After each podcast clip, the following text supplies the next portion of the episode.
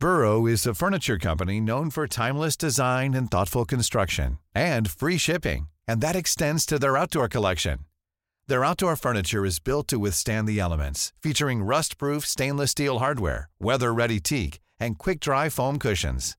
For Memorial Day, get 15% off your Burrow purchase at burrow.com slash ACAST and up to 25% off outdoor. That's up to 25% off outdoor furniture at burrow.com slash ACAST. Planning for your next trip? Elevate your travel style with Quince. Quince has all the jet setting essentials you'll want for your next getaway, like European linen, premium luggage options, buttery soft Italian leather bags, and so much more. And is all priced at 50 to 80% less than similar brands. Plus, Quince only works with factories that use safe and ethical manufacturing practices. Pack your bags with high-quality essentials you'll be wearing for vacations to come with Quince. Go to quince.com/pack for free shipping and 365-day returns.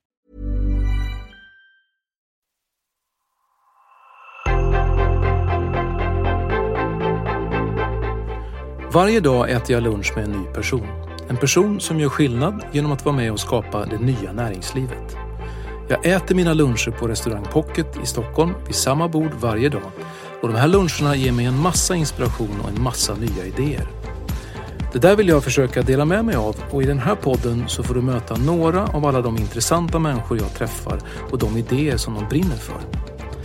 Vill du följa mina dagliga luncher så finns de på sociala media. Sök bara på hashtaggen Ulfslunch. Jag bjuder på lunchen, du på idéerna. Snart kanske vi ses på en lunch.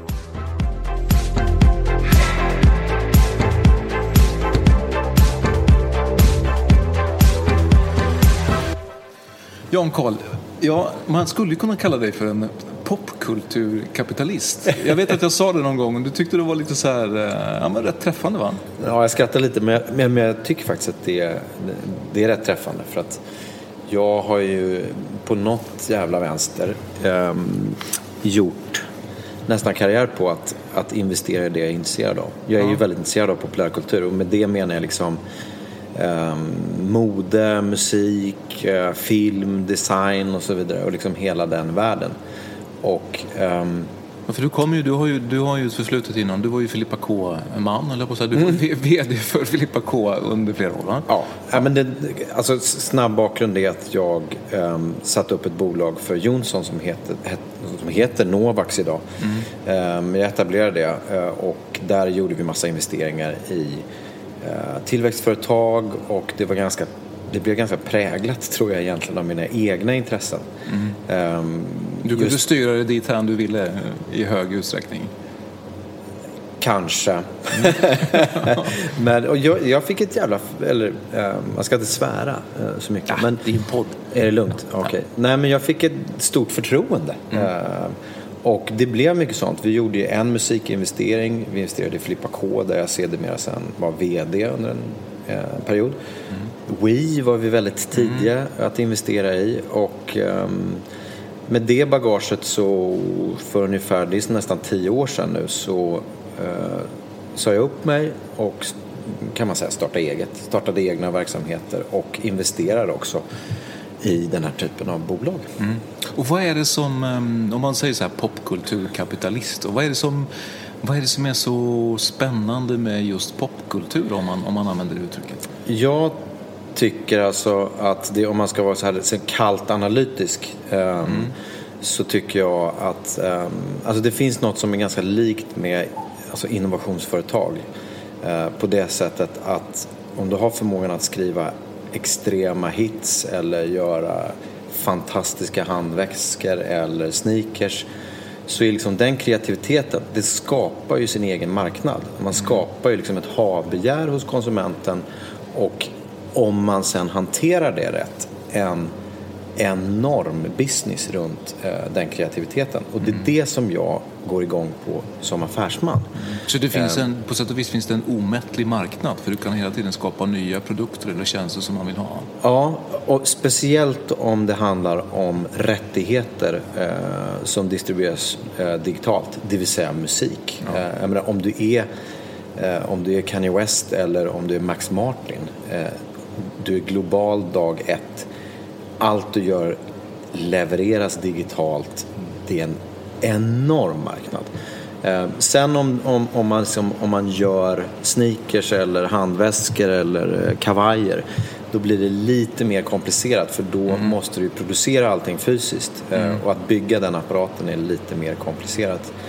Men eh, även där är det ju så att om du får liksom en riktig hit, eh, att bygga ett varumärke som har eh, global attraktionskraft med produkter som, som väcker habegär, då är ju tillväxtmöjligheterna enorma. Och jag tycker i Sverige är väl Acne det modeföretag som bäst har eh, tagit vara på den möjligheten och skapat något riktigt, riktigt starkt. Mm. Men jag tänker på eh, jag tänker Acne är väl ett bra exempel också för man pratar ju ofta om Acne som att man verkligen har hittat en kombination av kreativitet, konstnärlighet parat med affärsmässighet. Man har ganska tydliga roller i bolaget kring det också. För jag, tänk, för jag ja, tänker att verkligen. det måste ju vara en utmaning med den här typen av företag. Att det finns väldigt starka kreativa konstnärliga personer och så ska man få en affärsmässighet i det där också. Absolut, och det är precis det. Och Acne ju, kan ju stå som en symbol i Sverige för, eh, för hur man liksom har lyckats med den där balansen. Eh, det finns ju tusentals bolag internationellt som gör det varje dag och gör det väldigt bra. Och det finns många andra i Sverige också. Eh, men Acne är ett exempel som eh, man, jag gärna drar fram. Och den balansen är det är väl liksom väldigt spännande att jobba med det och jag kommer ju från egentligen från mer struktur och jag liksom gick på Handels och mm um, lärde mig räkna och allt sånt där. Men i hjärtat så har jag en extrem uh, respekt um, för kreatören um, och tycker det är väldigt kul och jag har på senare år upptäckt att jag har ganska mycket av de kreativa sidorna själv. Mm. Och och, och den, där, den där respekten måste finnas. Jag, jag brukar tala om i de bolag som jag är involverad i. Um, För vilka bolag är det som du jobbar med konkret nu idag? Ja, innan, innan jag tar det så, så, så vill jag bara avsluta så att ja. i de, det jag brukar då tala om är ömsesidig respekt. Att man, alltså båda sidor respekterar varandra. Att om man är mer på affärssidan, att man respekterar att utan kreativiteten ingen affär och att man på den kreativa sidan respekterar att utan affär och affärssinne så blir det inga resurser till det kreativa. Mm. Den där balansen är extremt viktig att upprätthålla. Mm. Och de bolag jag eh, jobbar med idag är dels så är jag partner i ett musikbolag ehm, eh, som heter Lateral där vi har där vi är management åt artister och vi är förläggare åt låtskrivare och producenter. Och vi finns i Stockholm, London och Los Angeles. Sen driver jag eh, ett väskföretag som heter Baron som jag förvärvade med min bror för fyra år sedan och som vi håller på... Som dessutom är baron. Ja, det stämmer. Ja. ja. Och det är ju en liten extra knorr till den varumärkesstoryn. Eh, så det, det, det var inte hela anledningen förstås. Nej. Eh, men ehm, det, det, alltså Baron och Lateral, det är de bolag där jag själv jobbar aktivt varje dag. Mm. Ehm, som entreprenör. Ehm, och sen är jag också investerare. Och som investerare har jag liksom tagit med mig erfarenheterna på Jonsson, Filippa K och i de bolag jag driver själv. Mm. Och försöker vara ett bra, eh, en bra ägare och ett bra stöd till de entreprenörer som driver de bolagen. Och det är Triva som gör klockor. Um, och sen är det Sneakers and Stuff som um, säljer sneakers i, i, uh, online egentligen huvudsakligen idag. Men vi har även butiker i Stockholm, London, Paris, Berlin och snart förhoppningsvis även i USA. Mm. Eh, och sen är också delägare i Stuttheim som gör eh, regnrockar. Eh, som är en exempel på sån där nästan som man utifrån sett skulle säga nästan osannolik hit. Att mm. en produkt sprids över hela världen och på väldigt, väldigt hög nivå. Mm. Ehm, och det mm, är vi några delägare som försöker ehm, ta hand om den succén och bygga ett, ett, ett, ett lite större företag, ehm, stabilare och som kan också ge resurser till att, att utveckla kreativitet och, och, och entreprenörskap vidare. Men, men jag är lite nyfiken på, berätta lite mer om det här när du säger så här, man ska balansera konstnärskap, kreativitet med affärsmässighet. Vad är, finns det liksom något slags recept för om man vill bli ett framgångsrikt eh, popkulturmärke om man får säga så? Oj, oj, det, var en, det, är, det är en enorm fråga och lite svår att bara besvara sådär eh, rakt av. Men eh, jag kan väl försöka då. Alltså, frågan är så här, okej, okay, hur gör man då? Det låter ju bra, det balanserar eh, och, och, så vidare. Jag tror att um, det låter som en klyscha, men liksom rätt personer är A och O. Att man, att man bygger ett team uh, där uh, många av de här ingredienserna finns. Uh, och som jag sa, där man har, liksom har ömsesidig respekt.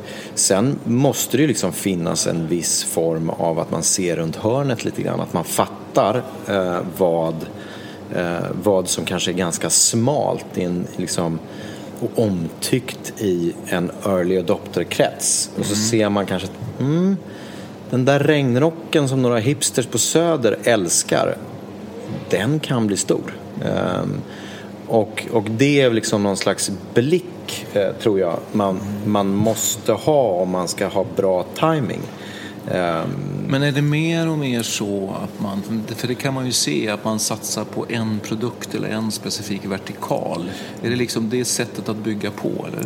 Det, det är en grej som jag tror på, sen får vi se om det, om det visar sig vara rätt eller inte. Men det, det tror jag på det, och det är liksom en lite grann en grej som jag tror på inom modebranschen. Att mm att um, det finns en allmän trötthet mot de här liksom livsstilsföretagen som ska göra allt under himmel och, jord.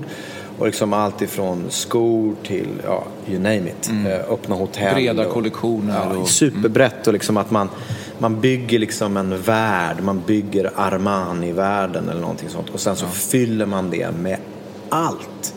Och snart finns det liksom Armani blyertspennor. Mm. Jag Ehm, jag tycker att det känns ganska lite förlegat. Jag gillar ju bolag som kan hävda att man är expert på en produkt eller en viss område och sen mm. bygga väldigt stor trovärdighet kring det. Mm. Och det hänger nog lite ihop också att affärsmöjligheterna idag med sociala medier och e-handel och snabb globalisering så är det lite lättare att vara väldigt, väldigt nischad och global samtidigt. Mm. Um, och det är en av anledningarna till att jag gillar um, de här liksom kategoriföretagen som Triva som gör klockor, Baron som gör väskor och Stutterheim som gör regnrockar. Och även om det är lite annorlunda, även Sneakers Stuff som är absoluta proffs på sneakers. Mm. Mm. Um, så jag, jag, gillar och tror på den där liksom, inriktningen och specialiseringen för att kunna vara trovärdig. Ehm, och trovärdighet handlar ju mycket, är ju mycket kopplat till sociala medier idag. Att liksom om du...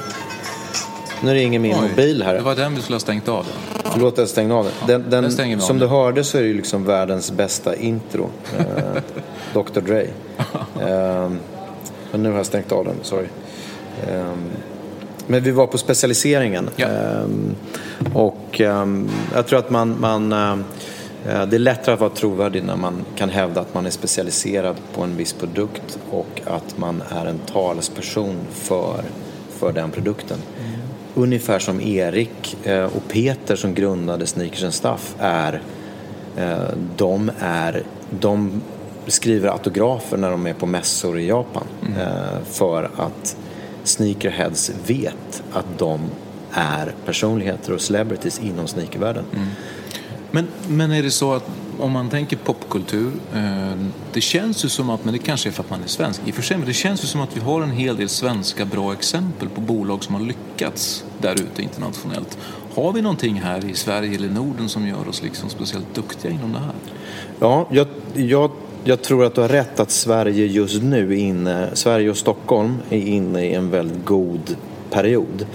Eh, där Ehm, vi, eh, vi är rätt duktiga på att bygga företag inom de här branscherna och om du till det dessutom lägger hela liksom tech eh, eh, industrin i Sverige med Klarna och King och Spotify och så vidare och så vidare. Ehm, då, då, får du en bild som är ganska ehm, ganska fantastiskt egentligen vad det är i Sverige och Stockholm. Mm. Jag tycker inte att vi kan hävda att vi är så bra på mode som vi ofta säger. Mm. Acne är ett undantag. Um, och då men, menar du bra affärsmässigt? Eller? Nej, nej. nej, jag menar att, att, om man ser på hur länge egentligen det, det så kallade svenska modeundret har pågått, i varje fall inom som man hävdar inom branschen så är det mm. väldigt få riktigt stora företag som har kommit ur det. Mm. Det, mm. det, måste man ju vara. Det är lite utväxling på det där undret. Det är väldigt lite utveckling faktiskt. Rent kommersiellt. Men no ja. några har ju lyckats och några är duktiga. Men um, jag tror, inom musik så är det liksom en helt annan bild där vi ju faktiskt eh, i internationella kretsar i musikvärlden, man undrar liksom vad är det som ni har i Sverige som är så otroligt? Och det skulle man ju kunna ägna en hel podd åt men i korthet så tror jag väldigt mycket på att vi är eh, vi är jävligt duktiga på att göra musik som är eh, som balanserar lite grann mellan någon slags kreddighet och men som är ändå rätt lättillgänglig och kommersiell. Mm. Någon slags sådär crossover. Eh, Den svenska modellen fast i en ny tappning. Typ. Kanske det. Mm. Mm.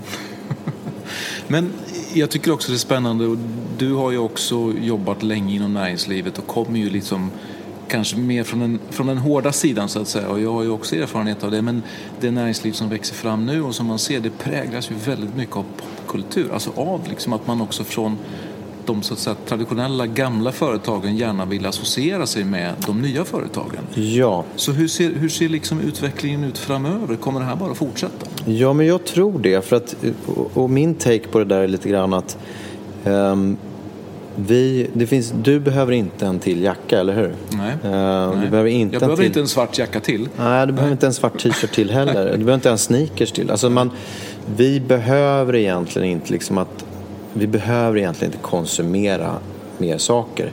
Men vi är helt maniska med att um, markera vår identitet. Mm. Så att när du köper, det var en väldigt snygg jacka du har. Ja, um, men så är den förmodligen också ett varumärke som du gillar och som du kanske vill associera dig med.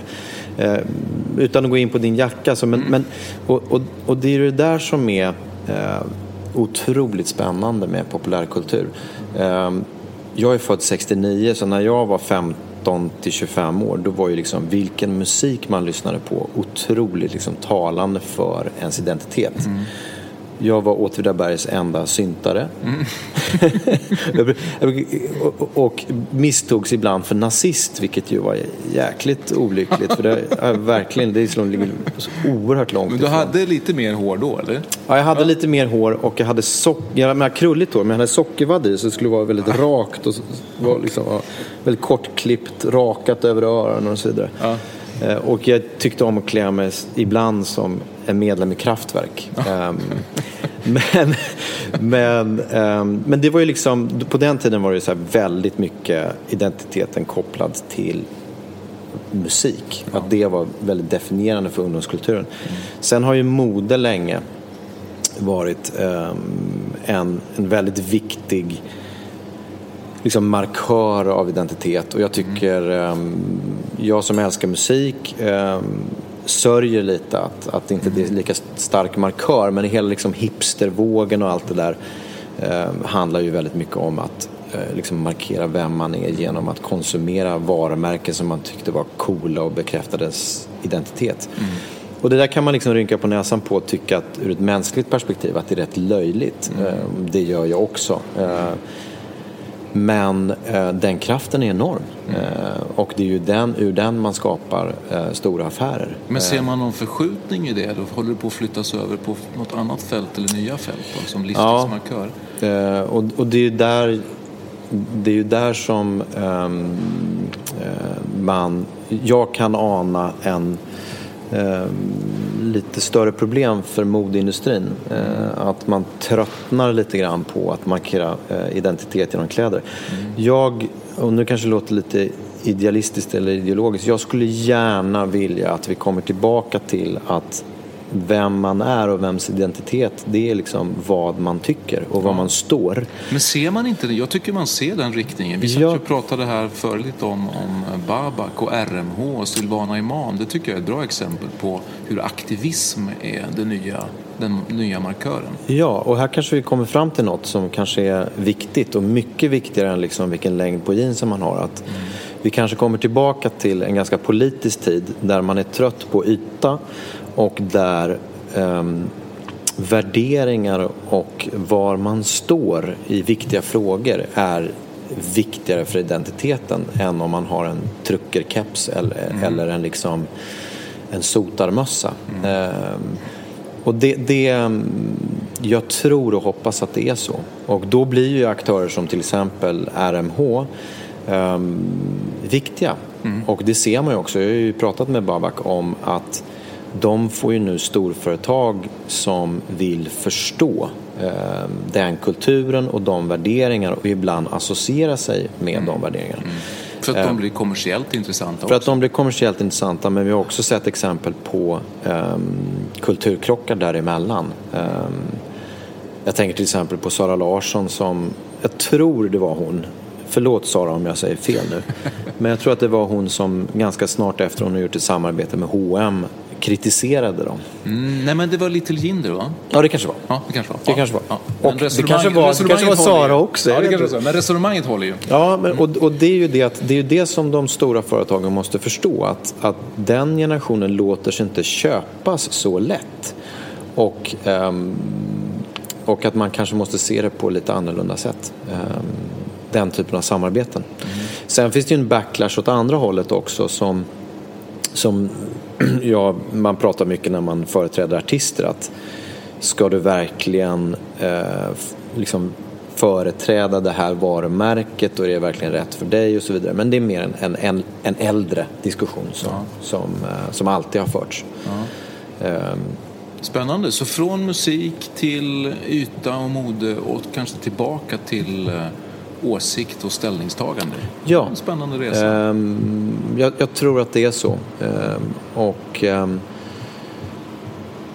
jag, det är nog mer mitt, eh, det är inte så mycket mitt, mitt um, affärsmannahjärta. Så jag, jag tror inte jag kommer investera eh, utifrån den analysen utan jag kommer nog fortsätta med, med, med det jag gör nu. Men, men i det jag gör så tror jag det är väldigt viktigt att förstå de, de nya strömningarna. Ehm, och det slår mig nu när vi sitter här och pratar att det är ju en, en aspekt av det här är ju att idag är ju det vi kallar för hållbarhet som för många är ett uttjatat ord, men det är ju en del av det här. Att den nya konsumenten ehm, kräver att du tänker på, på det ehm, och inte bara på ytan. Ehm, så att det, det handlar om att förstå konsumenten. Ja. Ehm, ja. Spännande. Mm, otroligt. Är, Jag börjar bli kaffesugen. Hur känner du?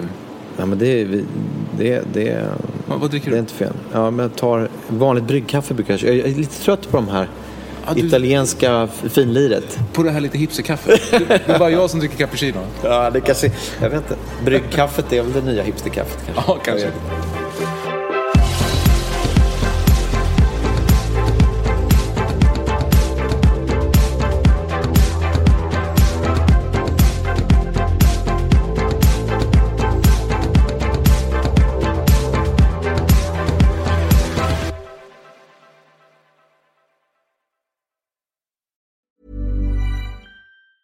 Even on a budget, quality is non-negotiable. That's why Quince is the place to score high-end essentials at 50 to 80% less than similar brands. Get your hands on buttery soft cashmere sweaters from just 60 bucks, Italian leather jackets, and so much more.